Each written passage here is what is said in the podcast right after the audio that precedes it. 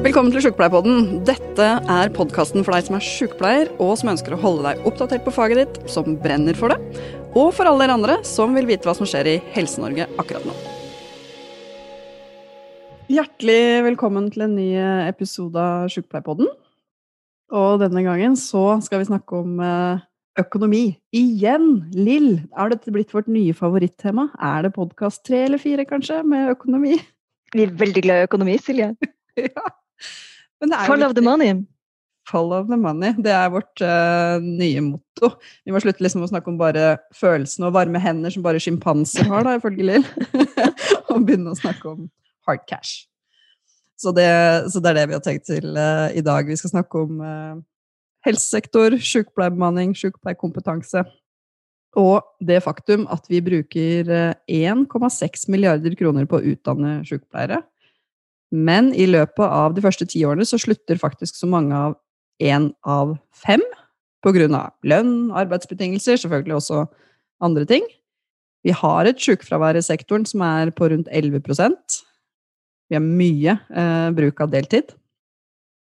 Og fordi det er et belastende yrke, så er det òg en uførepensjonsalder blant sykepleiere på bare 58 år. Så det betyr da at eh, vi bruker i praksis nesten halvparten av sykepleierkompetansen vi utdanner. Fordi de forsvinner ut av tjenesten altfor tidlig. Og det har vi brukt 800 millioner kroner i året på å utdanne sykepleiere som vi ikke får benytta fullt ut. Så i dag har vi invitert med oss eh, to uh, kloke gjester, uh, nemlig Erland Skogli. Hjertelig velkommen til deg. Takk. Du er partner i Menon Economics og har vært prosjektleder på en analyse som NSF har bestilt om helsetjenesten investeringer i fremtidig kapasitet.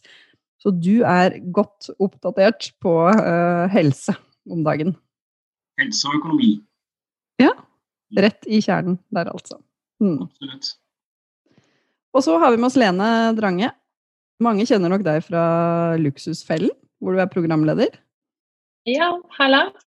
Så hyggelig at du vil være med. Men vi har invitert deg ikke fordi du er programleder på Luksusfellen, men fordi du også er med og fronter en kampanje som Sykepleierforbundet kjører om dager, som heter Helsesjekken. Ja, det har jo vært eh, veldig givende. Både å få være med i forarbeidet og få lese denne rapporten som Erland og resten av gjengen har laget. Men også å få gjøre det som jeg liker aller best, og faktisk konkretisere det og gjøre det mer folkelig. Da. Så det, det, har vært eh, sjokkerende, men også givende, da. Så bra. Det er en viktig sak. Sjokkerende og givende, men det høres, det høres uh, veldig bra ut. Da tror jeg vi har noe å prate om. Uh, videre også. Men det, men det, er kanskje akkurat det, det sjokkerende som vi ønsker å få frem. For det er jo det, vi, vi kjenner det jo som Sykepleierforbundet, så kjenner vi, vi kjenner de tallene og de dataene fra, fra mange år tilbake. Og så er det jo eh, viktig å få, eh, få, nye data, nye, kun, nye, kunnskapsdata som er oppdatert på det. Men poenget er at vi har vært sjokkert i årevis, og så blir det sånn der hoderistende eh, sjokkerende når det ikke skjer noen ting. Altså, det har vi visst i 10-20 år, mer enn det og så skjer det ingenting. Og så bare fortsetter vi langs samme eh, leia. Og det er derfor vi trenger eh, ikke bare Lene Drange til å bli sjokkert over det, vi trenger folk flest til å bli så sjokkert at vi faktisk krever en eh, forandring. For det er jo ikke pga. sykepleierne i seg sjøl, selv om det også er det, eller helsefagarbeideren for den saks skyld. Det er jo fordi at det er jo folkene, det er jo vi som befolkning, som betaler alle de her pengene for uh, noe som er veldig samfunnsøkonomisk unyttig og dårlig kvalitet på tjenestene i så tilfelle. Men det er jo egentlig en veldig god beskrivelse av hvorfor vi kjører denne kampanjen. Eh, mm. Fordi det er noe med å folkeliggjøre, som Lene er god på, eh, de tallene som vi har kjent til lenge, og som rapporten som eh, Menon Economics har nå lagd, viser veldig, veldig tydelig. Da. Jeg har lyst til å si også at det, det, til, til Erland Eh, vi har jo gitt dere ganske frie tøyler i eh, Menon Economics. Det er ikke sånn at vi kom her med bestilling. Finn fram de her tallene eh, til oss. Så kanskje du kan si noe om det? Vil gjøre det, altså. Som jeg også sa til Bent Høie her om dagen. Så, dette er jo ikke en rapport som, som, sier at det må bli flere sykepleiere, og at, de må, at det er sånn vi skal løse det. Tvert imot. Altså, så på mange måter så er det jo et veldig sterkt budskap fra Sykepleierforbundet til ikke bare politikere, men hele samfunnet, om at vi står overfor en krise nå som som faktisk ikke kan løses med å bare pøse inn flere sykepleiere. Det hilsende en interesseorganisasjon for sykepleiere. Det er ikke så ofte at en interesseorganisasjon og en profesjonsorganisasjon eh, gir på en måte en utreder såpass frie tøyler til å se på alle mulige si, alle utfordringer og løsninger på, på, på et uh, problem, snarere enn å fokusere på akkurat um, det som ligger nærmest kanskje i utgangspunktet. da, eh, profesjonen og, og, og medlemmene i, i Sykepleierforbundet. Men når det kommer til stykket, så er det jo likevel si, mange løsninger som, som, som, som står sykepleierne nærmest. Mm. Mm. Men eh, altså, Lene, hvor viktig tror du økonomi eh, og arbeidsforhold er når folk velger seg en utdannelse? Har du, har du noen gang Du har valgt å, å, utdanne deg innenfor økonomi, men har du noen gang vurdert å velge sykepleie, f.eks.? Du, det har jeg faktisk gjort. Eh, min første jobb var jo faktisk på sykehjem når jeg var 16 år. Eh, og jobbet jo egentlig der til ja, litt ute i studiene da, til jeg var kanskje 22. Var sånn helge- og sommervikar. Og da er jo det, som vi også anbefaler alle våre eh, deltakere som ikke er utdannet og sånt, da er jo helsesektoren både et fint sted å jobbe, men også gode betingelser. Men det stopper jo litt der, da. Eh, og jeg er jo over snittet opptatt av personlig økonomi og inntekt eh, og disse tingene her. Så, og det er jo noe av grunnen til at jeg ikke ville gå den veien, ja. Um, men uh, nå skal jeg si Jeg mangler sikkert litt på omsorgskortet også, da. Uh, men uh, skal, ikke, skal ikke gå inn på det, da. Men men helt klart både arbeidsbelastningen og det ansvaret eh, som man da egentlig ganske tidlig så på dette sykehjemmet for de sykepleierne da, sant, som faktisk var ansvarlig. Da, da hadde du en på vakt. Eh, når det var eh, liksom 80-90 eldre der som skulle passe på. Altså, det var voldsomt sånn som man faktisk bet seg merke i allerede ganske tidlig. da. Og nå når jeg har fått lov til å Jeg har ikke så mange syke Eller jeg har noen eh, venner som er sykepleiere, men jeg har liksom aldri vært i det sjøl. Og sånn, da har man jo hørt om dette, det dårlige arbeidsvilkår, det er arbeidsbetingelser, lønn, det er ansvar, det er alle disse tingene her som vi tar opp i denne kampanjen. og Der har jeg alltid tenkt sånn, ja det er jo viktig, men når man faktisk har gått inn i tallene, og man har sett og man har fått konkretisert det ned, så syns jeg det er veldig sjokkerende, og det er en veldig viktig kampanje. og Jeg tror virkelig at man har mye å gå på, da, men man må bare formidle det på rett måte. Mm. Vi, vi, gjør jo oss noen uh, vurderinger hele tida, Lill, knytta til hvordan vi fremstiller yrket vårt. Uh, og uh, kan det være sånn at vi gjør oss sjøl en bjørnetjeneste ved å ha for negativt fokus? Vi har jo prata om det i forbindelse med de kampanjene som vi lager, bl.a. som Helsesjekken i, i en sånn type kampanje. Um, men jeg tror ikke det. Jeg tror ikke det blir noe bedre å Hvem det var som snakka om det her om dagen, om å pynte brura? Altså, det er noen ting med oss å, å få frem uh, Yrket vårt er tøft. Det er beintøft, både på positiv og negativ forstand. Altså, det er jo få ganger jeg har følt meg så tøff som, har, uh, som når jeg har redda liv. Og det gjør vi som sykepleiere. Men så er det også tøft på veldig mange andre måter arbeidsvilkår. Eh, det å eh, ha en lønn som gjør at eh, lønna er så latterlig lav at du er nødt til å jobbe på flere arbeidssteder. For eksempel det å jobbe, på, måtte, jobbe flere plasser, eventuelt langt mer og mye overtid. Det er tøft, det òg, men ikke i en positiv forstand. Men det blir ikke noe bedre av at vi later som det er noe annet enn det, det det, er. Så jeg tenker vi må få frem åpent og ærlig den brura det er som vi, som vi selv. og da er det jo nettopp det her med at det det er et fantastisk yrke. Jeg har enda til gode å høre den sykepleieren som angrer på å ha tatt utdanninga si. Og det er veldig få sykepleiere jeg snakker med som angrer, liksom angrer, på den jobben i seg sjøl. Den pasientkontakten, det kollegiale, den her skikkelig tøffe jobben i seg sjøl. Det er en fin jobb. Glitrende yrke. Men da må vi også vise frem alle de strukturelle og eh, problemene, barrierene, for at folk blir værende i yrket. og Det er det eh, det vi, får frem her. Og så viser vi at det er ikke bare et individuelt problem for den ene sykepleieren som da tenker at nei, vet du hva, det her gidder jeg ikke mer. Det her orker jeg ikke mer. Risikoen, belastninga, ansvaret er for stort ut ifra det jeg får igjen for det. Sosiale belastninger med å jobbe så mye ubekvemt er såpass krevende. Det her orker jeg ikke mer. Det er ikke bare et individuelt problem. Det er et eh, strukturert problem. Og det er det vi prøver å vise frem, at det her faktisk også er et samfunnsøkonomisk eh, problem. Det er bortkasta penger. Mm. Og Erland, dere skriver jo faktisk såpass tydelig i rapporten at uh, samfunnskonsekvensene av et overbelasta helsevesen er en mer alvorlig helsekrise enn koronapandemien. Hva legger dere i det? Ja, ikke sant. Eh, det åpner en veldig spennende diskusjon som jeg håper at eh, sykepleiere flest og Sykepleierforbundet skal, eh, skal ta i tiden fremover. Nemlig vi har nå mobilisert vanvittig i samfunnet vårt for å, for å forhindre en stor helsekrise med pandemien. Vi har brukt hundrevis av milliarder, primært utenfor helsesektoren, for å stanse den helsekrisen. Men det er ikke en stor helsekrise, og det er alle egentlig. Altså I henhold til masse forskjellige objektive kriterier, f.eks. av prioriteringsmeldingen til Stortinget om prioritering i helsetjenesten, som sier noe om at det skal være veldig alvorlig når det skal være høyt prioritert. Covid-19 er ikke en veldig alvorlig, eh, veldig alvorlig sykdom. Den bidrar ikke til, at man taper så mange gode leveår som for, for mange andre sykdommer. Fordi den rammer eldre primært osv. Så poenget vårt er jo da å starte en diskusjon om eh, hva betyr egentlig dette for prioriteringer fremover. Altså, bør ikke også da andre helseutfordringer som kommer fremover nå i mye større mål, med ulike typer kronisk sykdom, psykisk sykdom osv., som kommer til å overbelaste helsevesenet, bør ikke det også prioriteres høyt? Når samfunnet har vist en sånn vilje til å prioritere gjennom våre politikere, da, eh, våre folkevalgte, som skal være våre beslutningstagere på våre vegne, hva vi skal bruke pengene til bør ikke vi også da prioritere andre helseutfordringer like mye fremover? Um, og bør ikke helsevesenet rustes for å imøtekomme de utfordringene som vi vet kommer nå, som vi da beskriver veldig tydelig i rapporten. Uh, altså er jo, alle er jo enige om at det er nesten umulig å klare å levere nok helsetjenester til den norske befolkning i årene fremover med, med den utviklingen som vi ser nå. Så, så, det er jo litt av bakteppet og den spennende diskusjonen som vi håper å få også nå litt inn i kanskje valgkampen bl.a. Um, mm.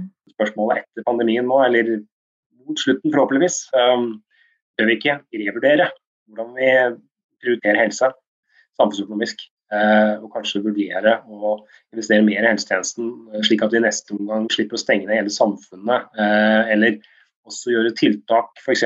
mot utfordringer knyttet til hjerte og kar eller psykisk helse, som, som, handler mer om dyre tiltak i andre deler av samfunnet. Altså, uh, og ikke da helsetjenesten, som er den, den sektoren som er best uh, kvalifisert og satt opp for å løse helseutfordringer. Mm. Diabetes også som et av de eksemplene som, som vi vet er en av de folkesykdommene som kommer til å som krever mest ressurser også i årene fremover. Så det er klart en investering i helsetjenestene knytta til både forebygging av de lidelsene de, som, som, kommer som en konsekvens av diabetes. Men også det å sette brukeren i pasienten, brukeren i sentrum, med hjelp av brukermedvirkning, med veiledning, ved hjelp av digitale verktøy som kan hjelpe deg til å, um, til å, kunne håndtere sykdommen din på en helt annen måte enn det du gjør i dag. Det finnes jo i dag, og derfor er det så frustrerende at vi ikke får muligheten til å bruke, både for at investeringsviljen i helsesektoren er så innmari lav, og så er det selvfølgelig noen GDPR-regler som, som, også kommer å spille inn på det, som vi er nødt til å rydde opp i. For at vi faktisk sørger for at vi har uh, For at det er jo det, Silje, vi også har pratet om. Grunnen til at vi også tar det opp nå, det er jo at vi ser, hvis vi ingenting gjør, så ser vi en sånn rak retning fremover mot en todelt helsetjeneste. Og de skal vi jo ikke. Du, vi vil jo ikke dit. Så vi er nødt til å få til en endring. Hvis ikke er det jo sånn over tid, at, uh, over relativt kort tid, at det vil klart være dem som har råd til å betale for sykepleierkompetanse. De vil få sykepleierkompetanse. Mens det vil være en hel del andre som vi allerede ser i dag, som faller utafor, og dermed vil få andre hender, Silje, til å kunne hjelpe seg med, men ikke nødvendigvis sykepleierkompetanse.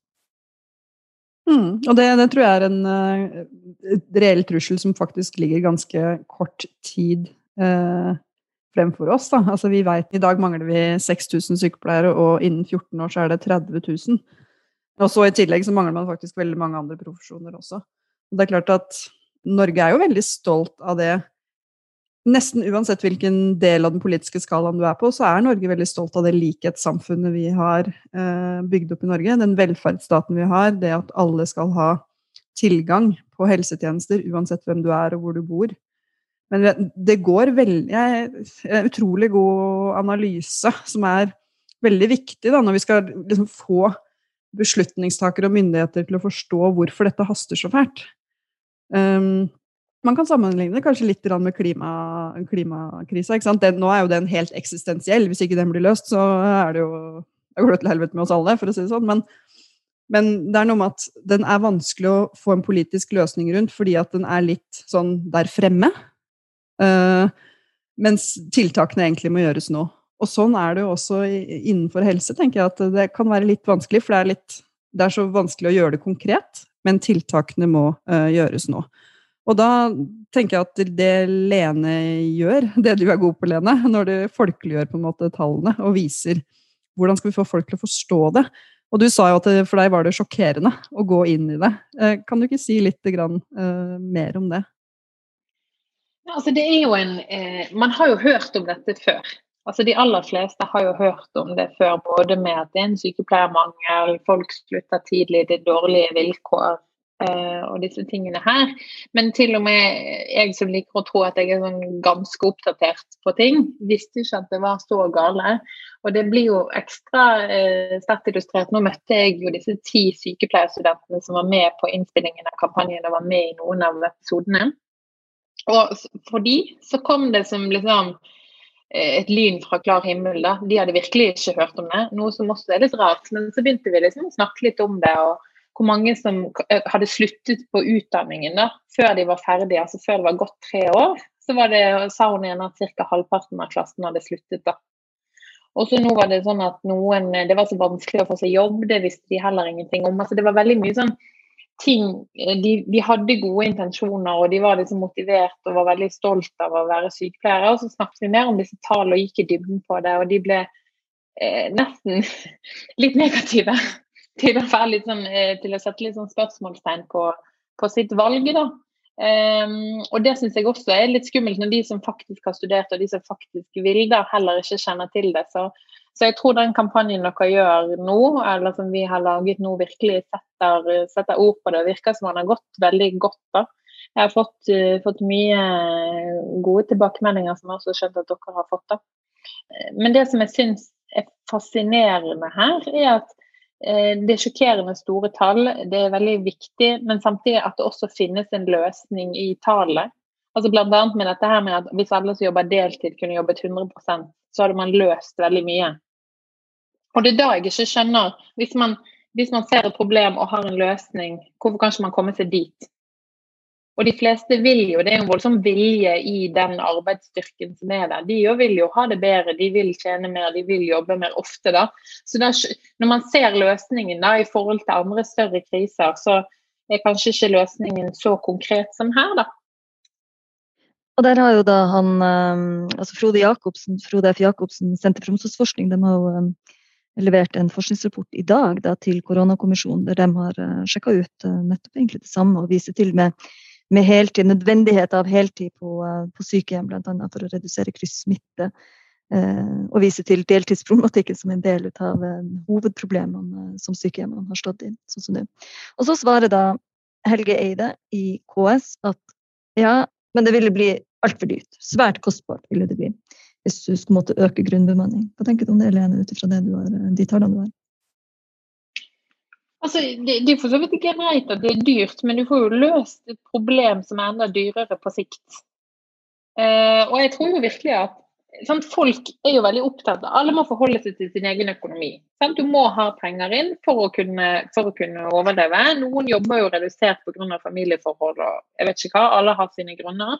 Men, men, eh, det som jeg leste, og når jeg har snakket med alle sykepleierne i dette forarbeidet, og sånn at folk vil ha en fast stilling, de får en bedre turnus, de får bedre struktur, det er bedre forutsigbarhet. sant? Men så ser man også, spesielt i den, en av de andre filmene der det ikke var snakk om heltid og deltid, bare den lønnsutviklingen man har. Da, sant? da sammenlignes vi med en eh, ingeniør som også har gått bachelorgrader. Alle vet at det er forskjell, men ingen vet hvor stor den forskjellen faktisk er. Og hun sykepleieren som var med, eh, spesielt i den kampanjen der, hun ble jo helt satt ut. For hun sånn, kanskje jeg har vært litt naiv og trodd at det var sånn litt mindre, eller kanskje halvparten Eh, men ikke at det var sånn at nesten inflasjonen spiste opp den lønnsutviklingen som kom etter hun har jobbet ti år, så da sitter man ikke igjen med noen ting, da. Eh, så, så jeg tror det man har mye det er mye å gjøre, da. Men denne bevisstgjøringen for folk flest, og også som en politisk kampanje inn mot helsemyndighetene, er utrolig viktig. da. Men jeg tror tallene blir ekstremt store, og når du snakker om milliarder og millioner, og sånn, så er det så vanskelig å relatere til som privatperson, også for helsemyndigheter og sykepleiere og sykehus og alle som velger at det er veldig viktig å bryte det ned. da. For Det er så store budsjetter og mange ansatte, og det er så stort og abstrakt for mange. da. Mm. Men så er det jo en sånn uh, sannhet uh, i gåsetegn at uh, vi bruker veldig mye penger på helse, relativt sett. Men Erland, dere har vel tidligere gjort en undersøkelse for både Sykepleierforbundet og Legeforeninga i fellesskap, som viste at det er jo kanskje en sannhet med modifikasjoner. Kan du ikke si noe om det? Jo, nei, altså vi, både vi og, og OECD som, som, skulle svare på dette, kom vel til at det ikke var spesielt høyt. Altså det er sånn ligger sånn litt over midt på treet. Um, og da er det faktisk uh, Man regner jo at uh, liksom, hvor mye et land har å rutte med, har ganske mye å si da, for, uh, hvor mye man bruker på helse. ikke sant? Så Jo rikere man er, for å si det sånn, jo større andel bruker man på helse. Litt sånn spennende diskusjon med liksom, sjonglering mellom privatøkonomi og samfunnsøkonomi, sånn som vi gjør her nå. Jeg skal ta meg litt av samfunnsøkonomien, men jeg pleier ofte å bruke det bildet at når du liksom har når du, når du har fått deg Tesla, så, så, trenger du kanskje ikke en til. Uh, uh, og Det er liksom litt sånn uh, Norge er liksom Tesla-landet, for å si det sånn. som, som selvfølgelig da har større nytte av å bruke liksom, vår velstand nå på de tingene som vi absolutt prioriterer, som er liv og helse, fremfor enda mer av ting som vi kanskje ikke trenger så mye. Så Det er det naturlige. Altså, både FN og, og, og WHO sier at man skal tenke på investeringer og bruk på helse per capita som, som en vurdering opp mot BNP per, per innbygger. Mm. Men iallfall så, så er det en viktig del av det. Men jeg skulle si altså at um, uansett uh, om man har mye eller lite penger, så skal man tenke på hvordan man skal prioritere de tiltakene som gir mest for pengene. Og Da blir så spørsmålet ok, hvis det finnes tiltak som vi snakker om her nå, hvis det finnes ting vi kan gjøre som gjør at vi egentlig løser enorme kriser, som vi da i denne rapporten viser at kan koste oss like mye som hele oljefondet. Um, så, så, så, er spørsmålet hvorfor gjør man det ikke da? Og Fra samfunnsøkonomisk perspektiv så, så, ser man jo på helheten i det og finner at ja, dette vi som samfunn burde vi kanskje gjøre. Men så er det selvfølgelig sånn at de som kanskje skal betale for det, de sitter på ett sted hvor de ikke nødvendigvis får alle de positive effektene av det de betaler ut, for å si det sånn. Altså, det er liksom samfunnet som, som vil gagne på det. Um, effektene tyter ut på mange andre steder enn der kostnaden tas. Mm. Uh, og Det er derfor det er så viktig å regne på disse samfunnsøkonomiske termer. Også sikre, som vi peker på i rapporten, at man vurderer dette likt på tvers i samfunnet. Altså, sånn at for eksempel, som vi peker på, at det ikke blir sånn at det blir mye eh, på en måte bedre økonomi å redde et liv i trafikken enn i eh, helse- og omsorgstjenesten, eh, bl.a. Så Den type ting er vi litt opptatt av. Et annet sånn fun fact i forhold til det der med heltid, og som også som i samfunnsøkonomi, som jeg er stolt av, så sa det jeg tror første gangen han regnet på det, at det at kvinnene kom inn i arbeidslivet fra 1970 og frem til i dag, det har da en verdi på 11 000 milliarder kroner den ekstra sysselsettingen i Norge fra 1970 til i dag, det er akkurat det samme som oljefondets verdi. Mm. Um, bare for å sette i perspektiv i forhold til hvor verdifullt det er for samfunnet at folk får jobbe litt mer. Det tallet som du var inne på helt innledningsvis, der, Erland, på, på, oljefondets verdi, um, det bruker vi jo i kampanjen, og det er det noen som har reagert på og sier at det kan umulig stemme, liksom. Det, var, det ble litt sånn eh, panikkarta stemning blant våre når den kampanjen kom, og de var sånn Det tallet der, det kan ikke stemme! ja, ja, jeg fikk noen spørsmål eh, rundt det også i noen eh, presentasjoner internt i, i forbundet. Og det er klart at altså, det er viktig å understreke at det er ulike typer penger vi snakker om i, i samfunnsøkonomi. altså en ting er liksom de pengene som går ut av statsbudsjettet, liksom, eh, men en annen ting er verdien av goder som vi nyter i samfunnet, i penger. Det er jo det også vi gjør. Ikke sant? Blant annet så regner vi om da verdien av et godt leveår i kroner. Eh, og Det er jo det som virkelig river skinnet av pølsa her, eh, for å bruke det uttrykket, da, i forhold til eh, liksom, den sluttsummen på kassalappen. Det er at eh, I samfunnsøkonomiske termer så er det klart Eh, det tapet som vi vil lide av at folk eh, dør for tidlig unødvendig, eller har taper gode kvalitetsjusterte leveår, det er jo den virkelig store effekten her. Og ja, det kan du ikke nødvendigvis sammenligne direkte med oljefondet, eh, som er cash kontant på, på labben, nær sagt.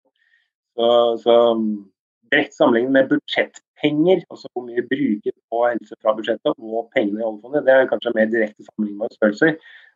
Men i samfunnsøkonomiske termer så, så, handler det altså om å tenke på hva vi skal bruke totalt sett. Da er det viktig også å tallfeste verdien av nytten av, av, det vi skal kjøpe oss. Hvis vi skal kjøpe oss flere gode leveår, som nok er en ja, de fleste nordmenn vil eh, være enige om at det er en god ting, og ikke minst nå etter pandemien, hvor vi altså har brukt eh, altså enormt mye mer penger på å redde liv enn vi noensinne har gjort tidligere. Så, så tror jeg det vil være resonnere godt å bruke den type eh, for å vise hva vi i realiteten taper hvis vi ikke investerer i helsetjenesten. Mm. Lene, tenker du at uh, altså hva er det som gjør da, hva er det som skal til for at både mennesker og organisasjoner for så vidt skal klare å gjøre den nødvendige investeringa uh, for langsiktige behov? Altså hva slags Hvordan skal man klare å ta det valget? Som privatperson eller som myndigheter, eller hva er din erfaring med det? Eh, det var et komplisert spørsmål. ja. Nei, men altså, man må, jo, eh, man må, jo, begynne et sted. Og så handler det jo om å eh, Man må jo legge til rette for det, man må bruke penger på det. Men så også må jo til syvende og sist det komme ned til denne ansatte, da. altså den faktiske sykepleieren. At du på en måte står lenger i jobben, at du faktisk får bedre vilkår, sånn at du føler en motivasjon. Og så eh, har jo i dette i researchen og i forarbeidet til denne kampanjen, så var det et ekstremt eh, tema Dette var innleiing av vikarer. Altså Når du jobber på en avdeling, og så er arbeidsbelastningen såpass stor at folk blir sykemeldte. Eh, og du får innleide vikarer som også er sykepleiere, og det er jo flott, men du får jo en ekstra, belastning når du er fast på den avdelingen. Eh, og det, det, som folk snakket om der, den, altså de ringevirkningene av at folk er langtidssykemeldte, du må leie inn disse vikarene som er gode sykepleiere, men de er ikke kjent der og da. Eh, og det blir vanskelig. Og så får du en sånn eh, Altså det er jo negativ effekt av det også, da. Eh, og det igjen så er det jo også et større ansvar på de som er der fast. Og det er mange, mange sånne ting. Så jeg tror du må begynne altså Jeg tror ikke det skal mye til for å få med sykepleiere hvis man bare begynner med endringene og begynner med de store holdningene, og nå skal vi satse og eh, dra de med seg. Det tror jeg også er veldig viktig. Altså At man begynner egentlig både stort, men også med den konkrete enkelte sykepleier. Mm. Er et sted å begynne. Lill, vi har jo prøvd oss på å, å lansere noen løsninger. Eh, vi kaller det Sjukepleierløftet. vi, vi, har jo diskutert det her utrolig mye i organisasjonen, hvordan vi skal på en måte kommunisere løsningene. Uh. Syns du vi lykkes I hvilken grad syns du vi har lykkes med det så langt? Vi har uh, mange gode løsninger på problemene. Uh, og så er det jo Det er jo det her som til stadig kommer opp, og som vi på en måte skulle ønske bare hadde vært Kunne ha løstes med en sånn knips med noen en eh, liten tryllestav, sånn at vi slapp å prate om eh, lønn eh, til stadighet. Hvis man kunne fiksa en akseptabel grunnlønn til sykepleiere, spesialsykepleiere og jordmødre, sånn at vi kunne begynne å prate om alle de andre tiltakene som også er nødvendig å gjøre for å klare å beholde, rekruttere og mobilisere sykepleiere årene fremover. Og Det er jo det sykepleierløftet sier noe om. Men så lenge vi til stadighet henger fast på for at vi får ikke noe aksept for det lønns... Altså, alle dem som slutter hos oss, som beskriver det. Nå er det opptil 30 nå i etterkant av pandemien som beskriver at de uh, vurderer å slutte, eller alle har slutta i yrket. Vi vet fra tidligere undersøkelser så sier de uh, grunnene til at de slutter i yrket, eller slutter som student, for en saks skyld òg, men slutter i yrket, da, er lønn. Det er først og fremst. Og så er det mangel på fagmiljø, det er for stor belastning, for stor risiko osv. Alle disse typer tingene henger også sammen med lønn. Så det er jo ikke en gullstandard lønna alene. Men vi kommer ikke utenom det. Så så lenge du ikke gjør noe med det, så nytter det ikke uansett hvor godt fagmiljø du klarer å lage eventuelt eh, eh, på sikt. Du klarer ikke å rekruttere, mobilisere og beholde de fagfolkene som er nødvendige på sikt. Så du er nødt til å gjøre noe med det.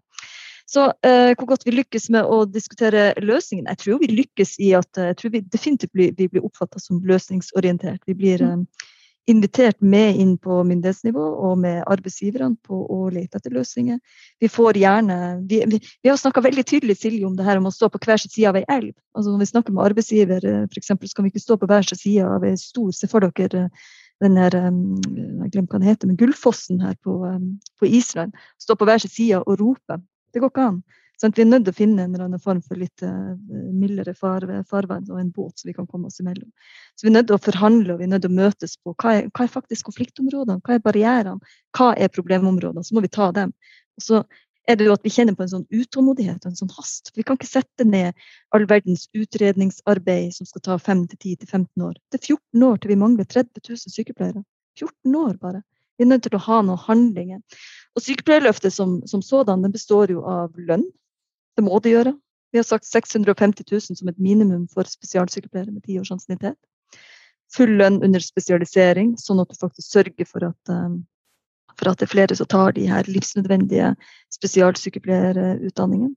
Bemanningsnorm for sykepleiere i kommunale helse- og omsorgstjenester. Og det er jo fordi at kommunene uh, er så de, har, de, beskriver i alle fall at de ikke har rammevilkårene for å Eh, kunne ansette alle de eh, helsepersonellene. Det er jo egentlig det han sier. Eh, Helge Eie her i dag, da han sier at nei, men det ville koste så mye å øke grunnbemanninga som, som, er nødvendig likevel for at man skal sikre sykehjemmene, så det går ikke an. Bemanningsnorm vil jo være, hvis det var politisk satt en bemanningsnorm, så ville det bety at eh, det er et minimum av den kompetansen som vi må ha på plass. En del av det vi får tilbake, blir jo ofte da at nei, men da, da er det minimum, da får vi ikke til å ansette flere enn det. For å si sånn, Det er ikke problemet i de aller, aller fleste kommunene i dag. Bemanningsnorm vil være et løft for, eh, for sykehjemmene og hjemmetjenesten. Og så er det noe med ledelse, selvfølgelig. Vi har snakka om beslutningsmyndighet og rammevilkår for sykepleierledere. Per i dag så får de ikke lov til å vurdere om de skal gi 10 000 ekstra eh, hvis de skal ansette en person. Eh, de får ikke lov til å altså, gi ekstra lønn for å kunne gjøre ansettelse av de riktige folkene. De får ikke mulighet til å kunne bestemme om de skal gi dem noen ekstra fridager. eller noe. De har ikke beslutningsmyndighet, til tross for at de kan ha oppi 300 ansatte.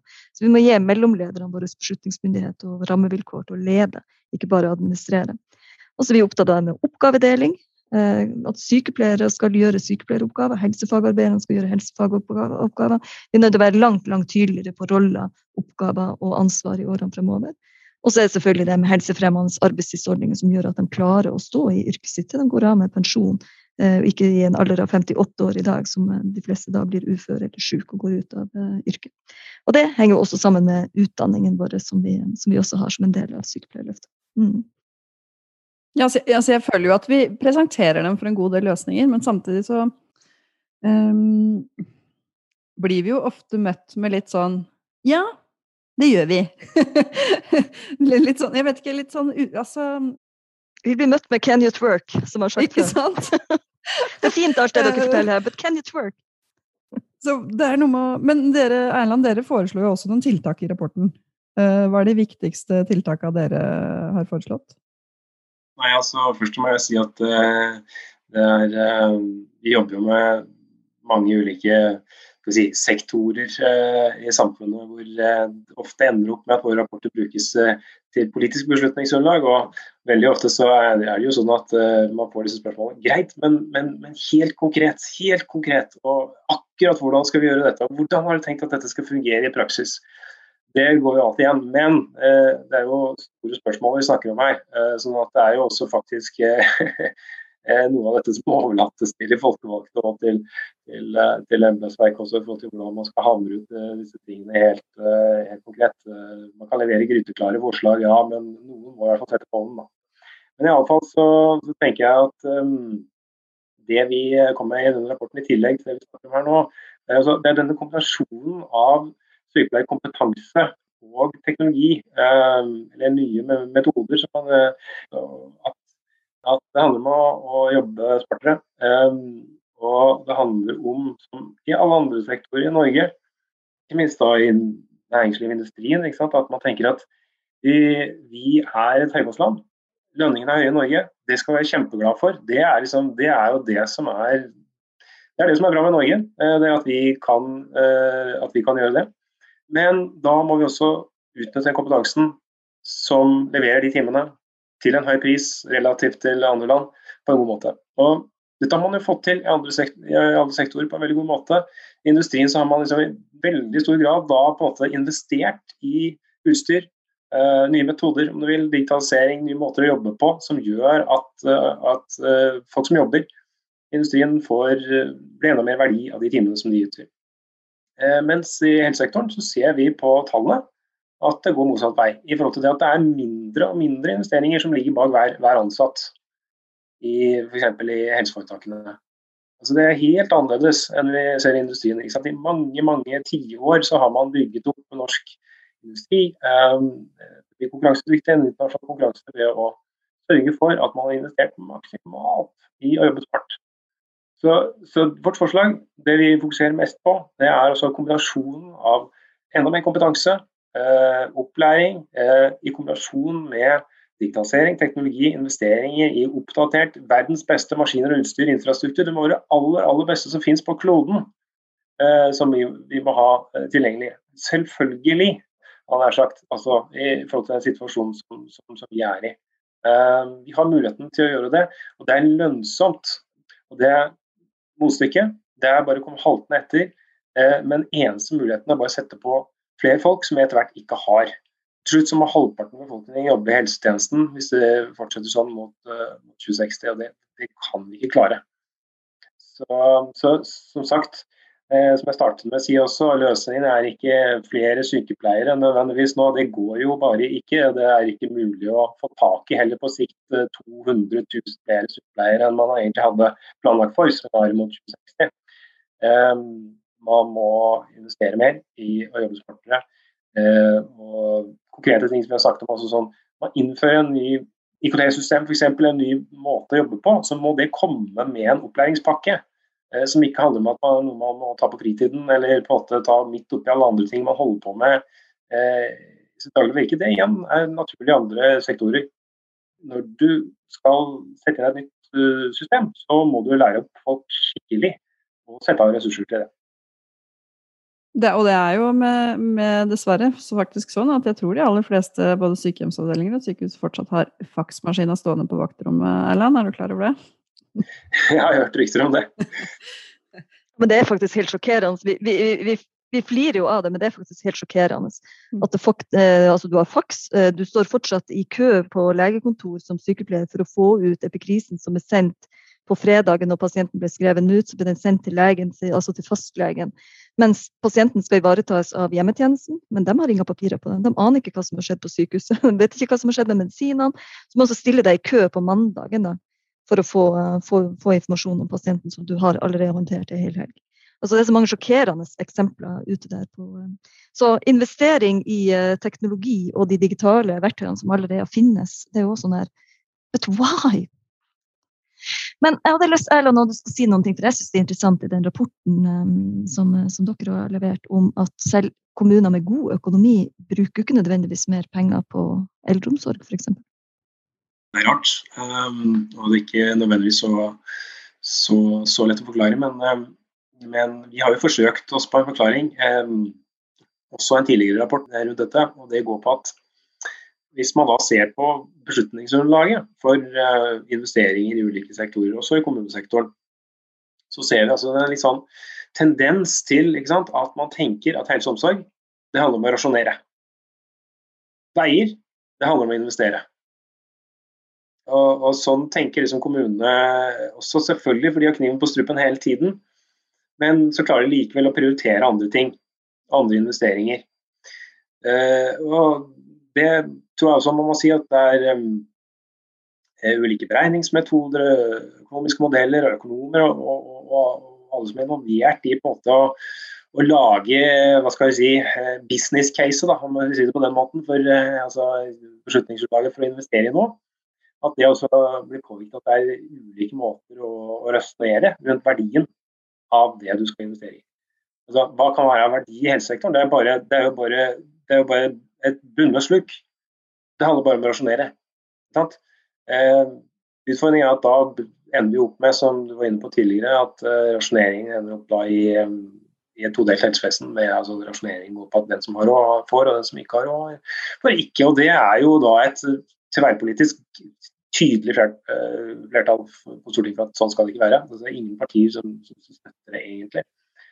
Så hvorfor da kommunestyrer rundt omkring land og strand rundt da ikke evner å prioritere helse og omsorg mer i en situasjon hvor vi faktisk til og med har økonomiske rammer for å gjøre det mer. Det er som sagt delvis en gåte, men sannsynligvis også allikevel da kanskje litt noe vi kan forklare ved at man tenker at om vi skal i hvert fall ikke bruke mer på noe som egentlig bare handler om å holde igjen. Og, det, og du, åh, du peker på så mange viktige ting nå, men jeg tror ikke vi har tid til å komme inn på alt. Men det er en anekdote. Jeg satt på kafé i en kommune, og så får folk lure på hvor det var, men da overhørte jeg tilfeldigvis ordføreren i samme kommune snakke om helse- og omsorgstjenestene, og han sa omtrent akkurat det du nå sier, Erland. At uh, helse og omsorg, der kan du helle inn så mye penger som bare du vil. Det er et bunnløst sluk, så det går ikke an. De må rett og slett bare ha en klar ramme, eller så bruker vi alle pengene våre på den sektoren der. og det, det, var litt sånn det var, eh, er, det virkelig, er det virkelig det som er holdningen? Og dette har jo vi diskutert så mange ganger, Lill, også, hvor vi har blitt provosert av politikere som ser ut til å tro at verdiskapningen skjer i privat sektor, mens i offentlig sektor så er det bare som å helle penger ut i havet, eh, og det skjer ingen type verdiskapning der. Hvordan i all verden skal vi få dem til å forstå verdien av Eh, sykepleie. Jeg så det var noen som skrev det også på jeg tror det var Facebook i dag. jeg tror det var en tillitsvalgt, At nå har vi bufra lenge nok. Altså Nå har sykepleieren bufra lenge nok. Og sett det opp mot den aprilspøken min, eh, Silje, om uh, Norsk Sykepleierbemanning AS. Det vil jo være, det vil jo sette en effektiv stopper for, for den, den buffringa, men det er klart at det vil bli innmari mye dyrere for kommunen. Ja, det er sant. Vi skal ikke dit, Dere, håper vi. Vi må snart avslutte. Men vi går inn i et stortingsvalg øyeblikkelig, egentlig. Eller de, vi er i gang. Det er jo valg til høsten. Og eh, helse er noe befolkningen ofte sier at de er opptatt av. Uh, vårt mål er å sette det på uh, agendaen. Men ofte, innimellom i hvert fall, da, så får vi krav om å si noe om hvordan sykepleiere bør stemme til høsten. Skal vi gjøre det? Du tenker på om vi skal, skal be medlemmene våre som må stemme på noe spe, spesifikt? Nei, vi skal ikke gjøre det. Men vi skal, det, vi, det, vi, skal gjøre, er å løfte sykepleierstemmene. Og da tenker jeg at uh, de kan la seg inspirere av uh, Lene og Helsesjekken. Og så kan de gå inn og lese uh, rapporten til Erland. For der er det veldig mange gode både teknikker fra Lene for å vise det visuelt, og det er veldig mye viktige tall fra Menon Economics. Men så må de engasjere seg eh, politisk. Selvfølgelig lokalpolitisk eh, og følge med på det som skjer der. Og eh, også se på hva sier politikerne om, om måten de tenker å investere i helsetjenestene fremover. Sier de at de skal fortsette å gjøre akkurat det samme som det er nå? De skal gi kommunen ramme, f.eks. Men da vet vi jo at selv om kommunen har gode eller dårlige rammer, så bruker de ikke noe mer penger på helsetjenesten. Hva da? Sier de noen ting om bemanningsnorm? Sier den noen ting om uh, privat, offentlig sektor, vekting av det? Sant? Så at uh, dem som lytter til oss nå, faktisk gjør en, uh, gjør en, jobb med å prøve å finne ut hva mener de ulike partiene om det som er viktig for oss som befolkning, for at vi skal bevare de helsetjenestene som vi har. Mm. Siste utenfra-perspektiv fra meg, Silje, så jeg vil si at jeg jobber jo med veldig mange organisasjoner, og det er vel få som er så mektige egentlig som Sykepleierforbundet, om noen i forhold til det at man har flere medlemmer enn flere av partiene. Og av både politikere regnes som en, en, organisasjon som i seg selv ja, man skal lytte til dere. Og dere får innpass på en annen måte enn de fleste. Så det er klart, det er jo det er spennende. Det er spennende og viktig hva dere mener. Mm. Norsk Sykepleierparti, Silje, da ville vi vært over sperregrensen hvis alle hadde stemt på oss. alle sykepleiermedlemmene. ja, det er sant. Vi er vel, fem, vi er vel en 5 eh, faktisk, hvis vi tar med alle medlemmene. Mm. Så vi er, større, vi er større enn Venstre på mange målinger, i hvert fall. Og de har mye makt, tross alt. Dere, Neste gang så skal vi snakke om uh, noe som egentlig ligner lite grann. Fordi vi har invitert inn to veldig dyktige sykepleiere som gjør akkurat det vi nå har snakka om, nemlig å, å heve av stemmen eh, og sagt noe om hvordan tjenestene oppleves fra innsida. Og det er eh, Liv eh, Bjørnhaug Johansen som har skrevet en bok som heter Den lange vakta. Og så er det Vigdis Reisæter som har skrevet en bok som heter 'Jeg skal hjelpe deg'.